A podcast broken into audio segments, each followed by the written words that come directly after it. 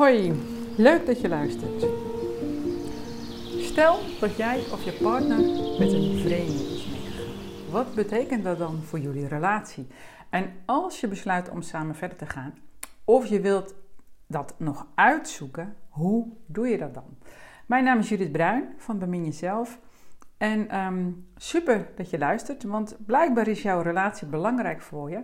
En misschien ben je op zoek naar een oplossing. Want heel veel stellen die voelen natuurlijk sowieso wel wat onvrede in je relatie. Het schuurt hier en daar wat na verloop van tijd. En door dit te luisteren ga ik ervan uit dat jij je verantwoording neemt en dat je problemen wilt oplossen of voorkomen. En deze podcast is er echt op gericht hoe ga je nou samen uh, verder als een van de beiden met een vreemde is meegegaan. En daarbij ga ik er dan van uit dat elk stel bewust of onbewust een intimiteitsafspraak met elkaar heeft. Dus um, je weet, of je, je hebt er misschien wel gewoon over gesproken, wat er wel en niet gewenst is binnen je relatie. En dan blijkt het onderzoek dat toch 60% van de mannen en 40% van de, procent van de vrouwen wel eens met een vreemde meegaat of een affaire heeft. En dat zijn natuurlijk altijd een beetje aparte cijfers, alsof mannen vaker vreemd gaan dan vrouwen. Dat zou theoretisch kunnen natuurlijk, dat die vrouwen single zijn op het moment dat de mannen vreemd gaan. En je hebt natuurlijk ook nog eh, de prostituees. En het kan ook zijn dat vrouwen het gewoon niet helemaal eerlijk toegeven, omdat het voor mannen soms uh, stoer is en uh, vrouwen daar misschien toch meer op aangekeken worden. Maar goed, dit zijn de cijfers waar ik dan uh, vanuit ga. En um, die, zijn, die zijn best hoog. Dus, zijn, dus er gaan echt wel veel mensen vreemd. En daar kun je van alles van vinden, maar daar ga ik voor de rest niet op in. Ik vind het interessant om te kijken van waarom ga je nou vreemd? Waarom ga je met een vreemde mee? Is dat dan alleen in de relaties waar je ongelukkig in bent? Um, of, of is het iets breder? En um, dat blijkt dus breder te zijn. Soms gebeurt het gewoon, mm, of best wel vaak is het zo, dat op zich je relatie is uh, oké tot zelfs wel goed. En toch gaan mensen dan vreemd. En dat gebeurt misschien wel omdat ze zelf ongelukkig zijn. Um, soms omdat de seks niet goed is. Maar maar 8% gaat vreemd omdat hij of zij verlangt naar betere seks. Dus kun je nagaan. Um, soms wil je iets nieuws misschien. Soms vind je een ander aantrekkelijker. Maar dat blijkt maar in 12% van de gevallen mee te spelen. Dat je die ander aantrekkelijker vindt als je eigen partner. Dus heel vaak heeft het niet zozeer iets met je relatie te maken, maar veel meer van, met jezelf. En uh, het vreemd gaan, een affaire hebben, is natuurlijk stiekem, het is spannend. En het laat je dus vooral voelen dat je weer leeft. Of dat je nog steeds leeft. Um, want dat gebeurt een beetje in heel veel relaties natuurlijk. Um, dat het allemaal wat inkakt na verloop van tijd. En dat kan zijn omdat je midden in de kleine kinderen zit.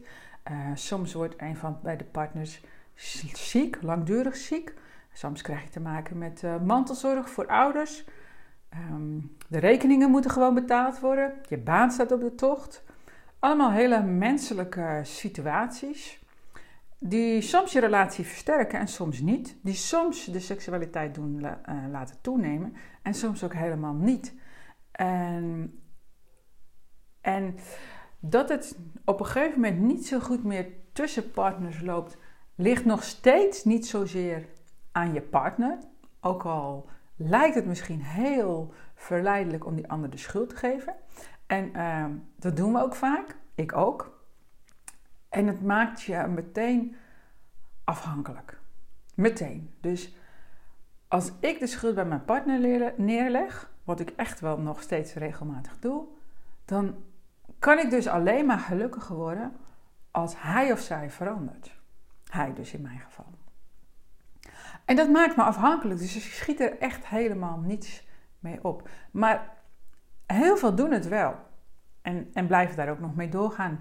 Uh, gewoon omdat je niet beter weet. Het wordt je niet geleerd. We hebben een soort van ideaalbeeld van, uh, ja, als je, als je verliefd bent op die ander, dan voel je je lekker levend.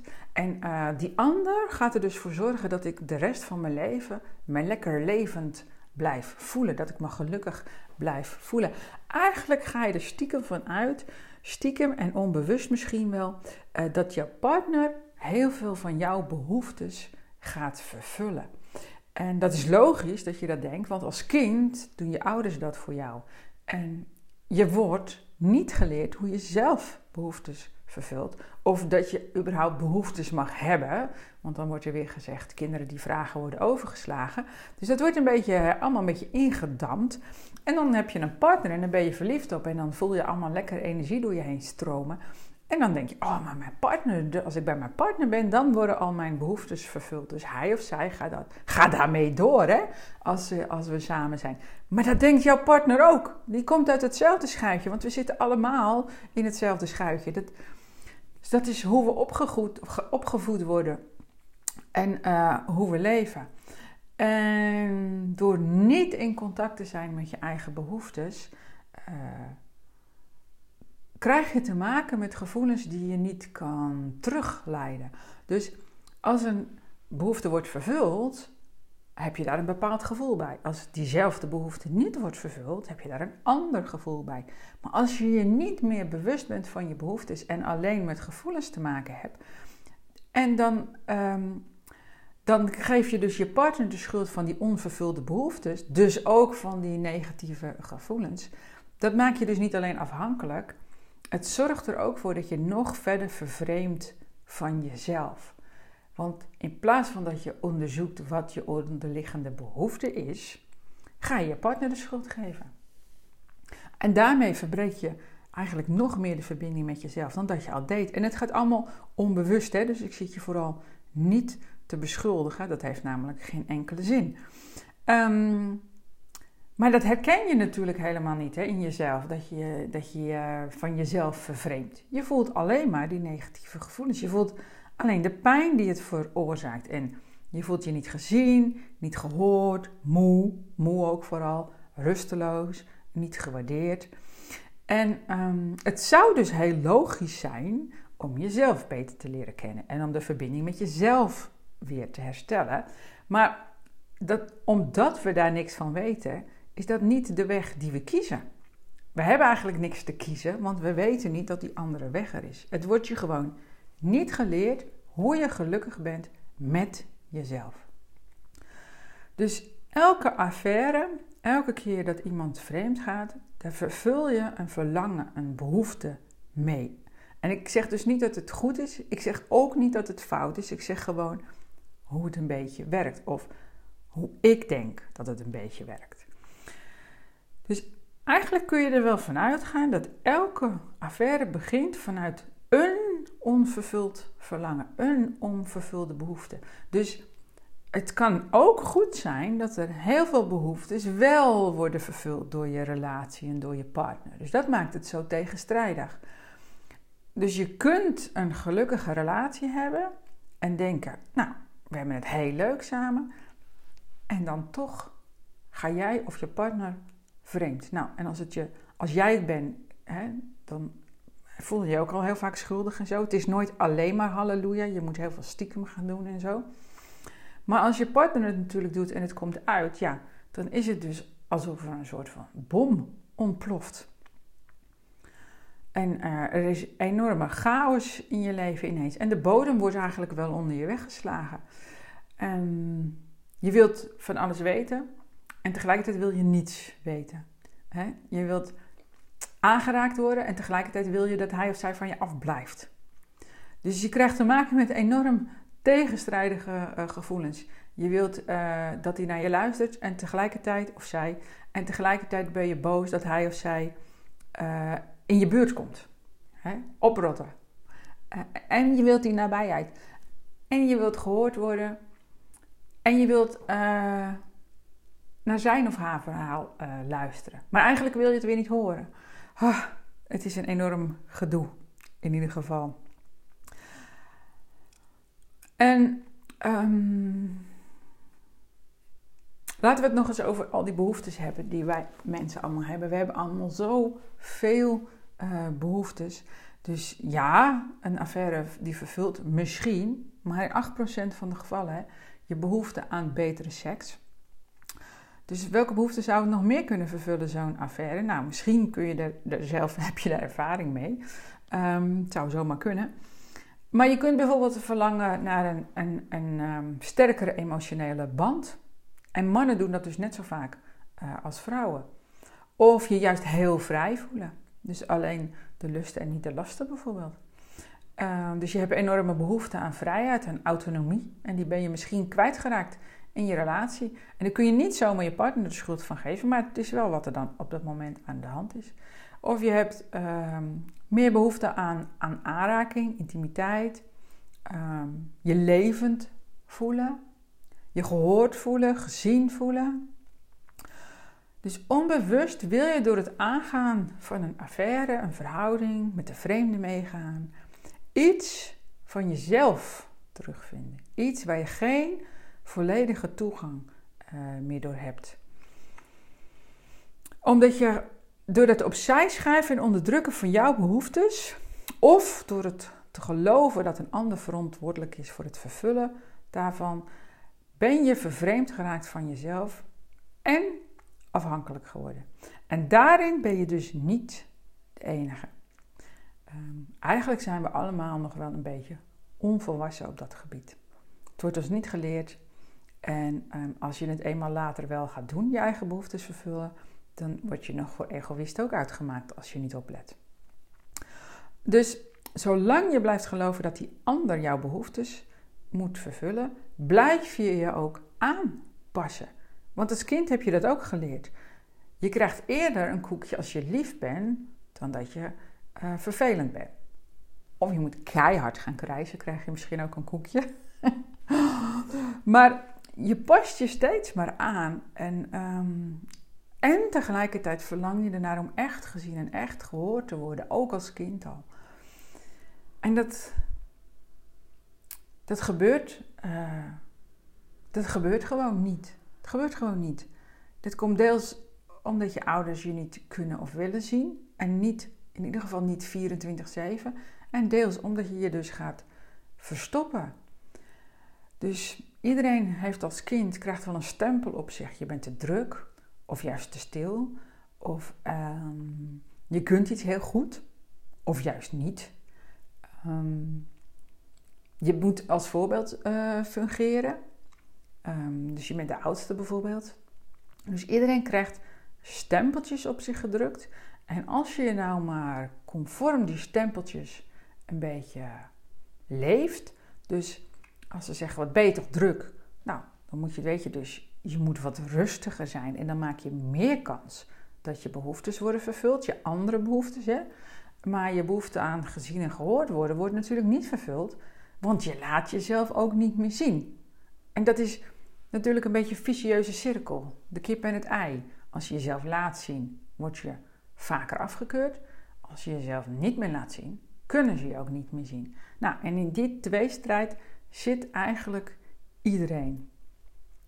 En ja, als je daarmee doorgaat, laat ik het voorbeeld doortrekken. Als je jezelf ook in je relatie niet helemaal laat zien of niet helemaal durft te laten zien, omdat je dan bang bent dat andere belangrijke behoeftes niet worden uh, vervuld, dan laat je dus jezelf niet helemaal meer zien.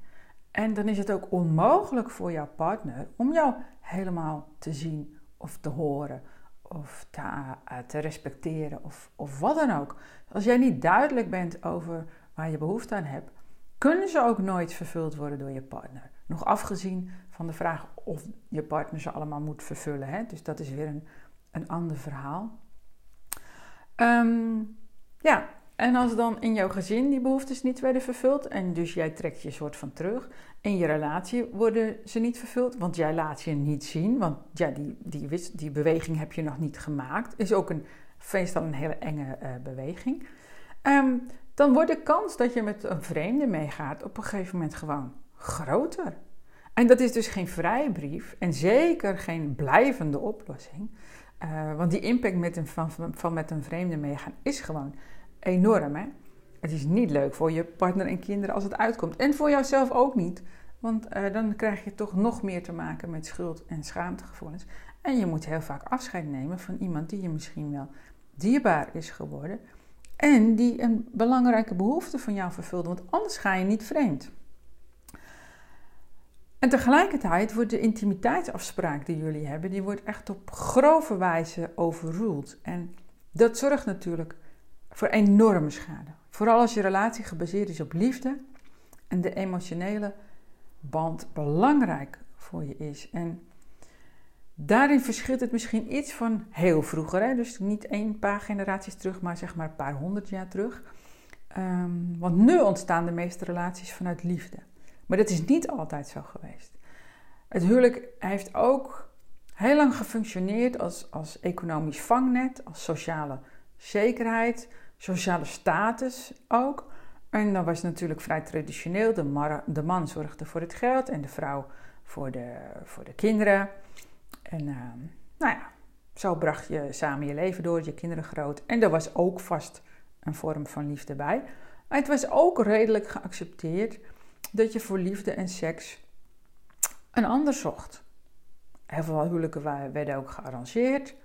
En um, dus we hebben ook een andere tijd gekend. Maar die tijden zijn wel een beetje voorbij nu.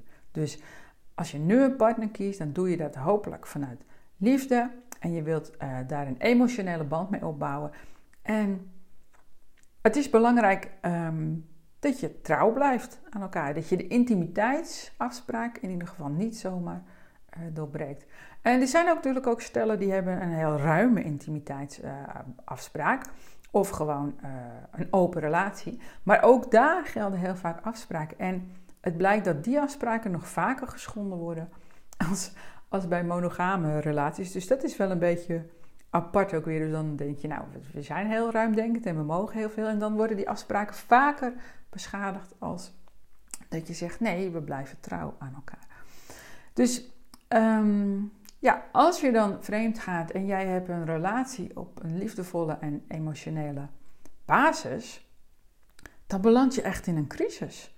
En die crisis, daar kom je niet um, zomaar uit vandaan. En zeker niet als die ander zegt dat het allemaal niet voorstelde, of dat hij de schuld bij jou neerlegt. Dat maakt het alleen maar erger. Dus hoe kun je nou een begin maken om sterker uit deze crisis vandaan te komen? En dat begint eigenlijk allemaal met empathisch luisteren. En dat is dus niet hetzelfde als uh, sympathiek zijn. En, en door het toepassen van de zeven sluiers. En dat zijn nou net de twee belangrijkste methodes, uh, de, de twee belangrijkste pijlers van de methode bemin elkaar die ik heb ontwikkeld. Dus als je de zeven sluiers toepast, dan begin je opnieuw. Je begint opnieuw met de seksualiteit. Um, en dat is belangrijk vaak, want als er eenmaal een intimiteitsdeal is, over, uh, is opengebroken, als er over grenzen heen gegaan is, dan wil je heel vaak geen seks met die ander. Terwijl er natuurlijk wel juist behoefte is aan intimiteit en ook seksualiteit. Um, omdat je ook weet dat die seksuele band je juist verbindt. Dat heb je ook ervaren. Um, maar dat wil je nu even niet, want hij of zij is vreemd gegaan kan ook zijn dat juist omdat er een derde in het spel komt, je extra vaak seks gaat hebben. En dat is ook een soort van meer dan symptoombestrijding, dan echt een oplossing. Dus um, slimmer is om de zeven sluiers een keertje opnieuw toe te passen in je relatie. En dan ga je dingen tegenkomen. Want die sluiers, die zitten om jou heen. Um, die onthouden alles, alles wat je meegemaakt hebt. Wat je leuk vindt en wat je niet leuk vindt. En um, door opnieuw te gaan sluieren, kom je dat allemaal tegen. Al die dingen die je wel leuk vindt en die je niet hebt leuk gevonden. Aan elkaar ook. Hè? Misschien ook uit nog vorige relaties, maar ook uh, van elkaar. En daar moet je het dus ook over hebben. Dus, en dan kom je weer terug bij dat empathisch luisteren. Dus het begint met empathisch luisteren. Het begint met de seksualiteit opnieuw opbouwen. En daarbij blijft het empathisch luisteren echt super belangrijk. Het is ook wel uh, geweldloos communiceren. Dus hoe, hoe communiceer je met elkaar over wat er is gebeurd? En hoe breng je de seksualiteit en de intimiteit en het vertrouwen weer terug in je relatie. Daar draait het eigenlijk om. Dus hoe kun je nu het beste beginnen? Want ik kan natuurlijk wel zeggen, je moet empathisch gaan luisteren en iets met die zeven sluiers gaan doen. En dan denk je misschien, ja, wat bedoelt ze nou precies? Nou, er staat heel veel informatie op mijn website www.beminjezelf.nl en daar kun je ook een relatiethermometer invullen. En ehm, dan komt er meteen een beetje beweging in je relatie. Want alleen als je gaat bewegen, dan verandert er iets. En misschien heb je nog geen zin om naar die ander toe te bewegen. Ehm, maar uiteindelijk wil je wel ergens komen. En dat kan niet door stil te blijven staan. Dus dat is een heel mooi begin. Ga de relatiethermometer invullen die je op mijn website kan vinden. Want ja, je moet het zelf doen, maar je hoeft het niet alleen te doen. Nou, in de volgende podcast ga ik het hebben over uh, dat iedereen eigenlijk wel iets anders verstaat onder vreemd gaan. Dus bedankt voor het luisteren. Ik hoop dat je er iets aan gehad hebt. En bemin jezelf en elkaar.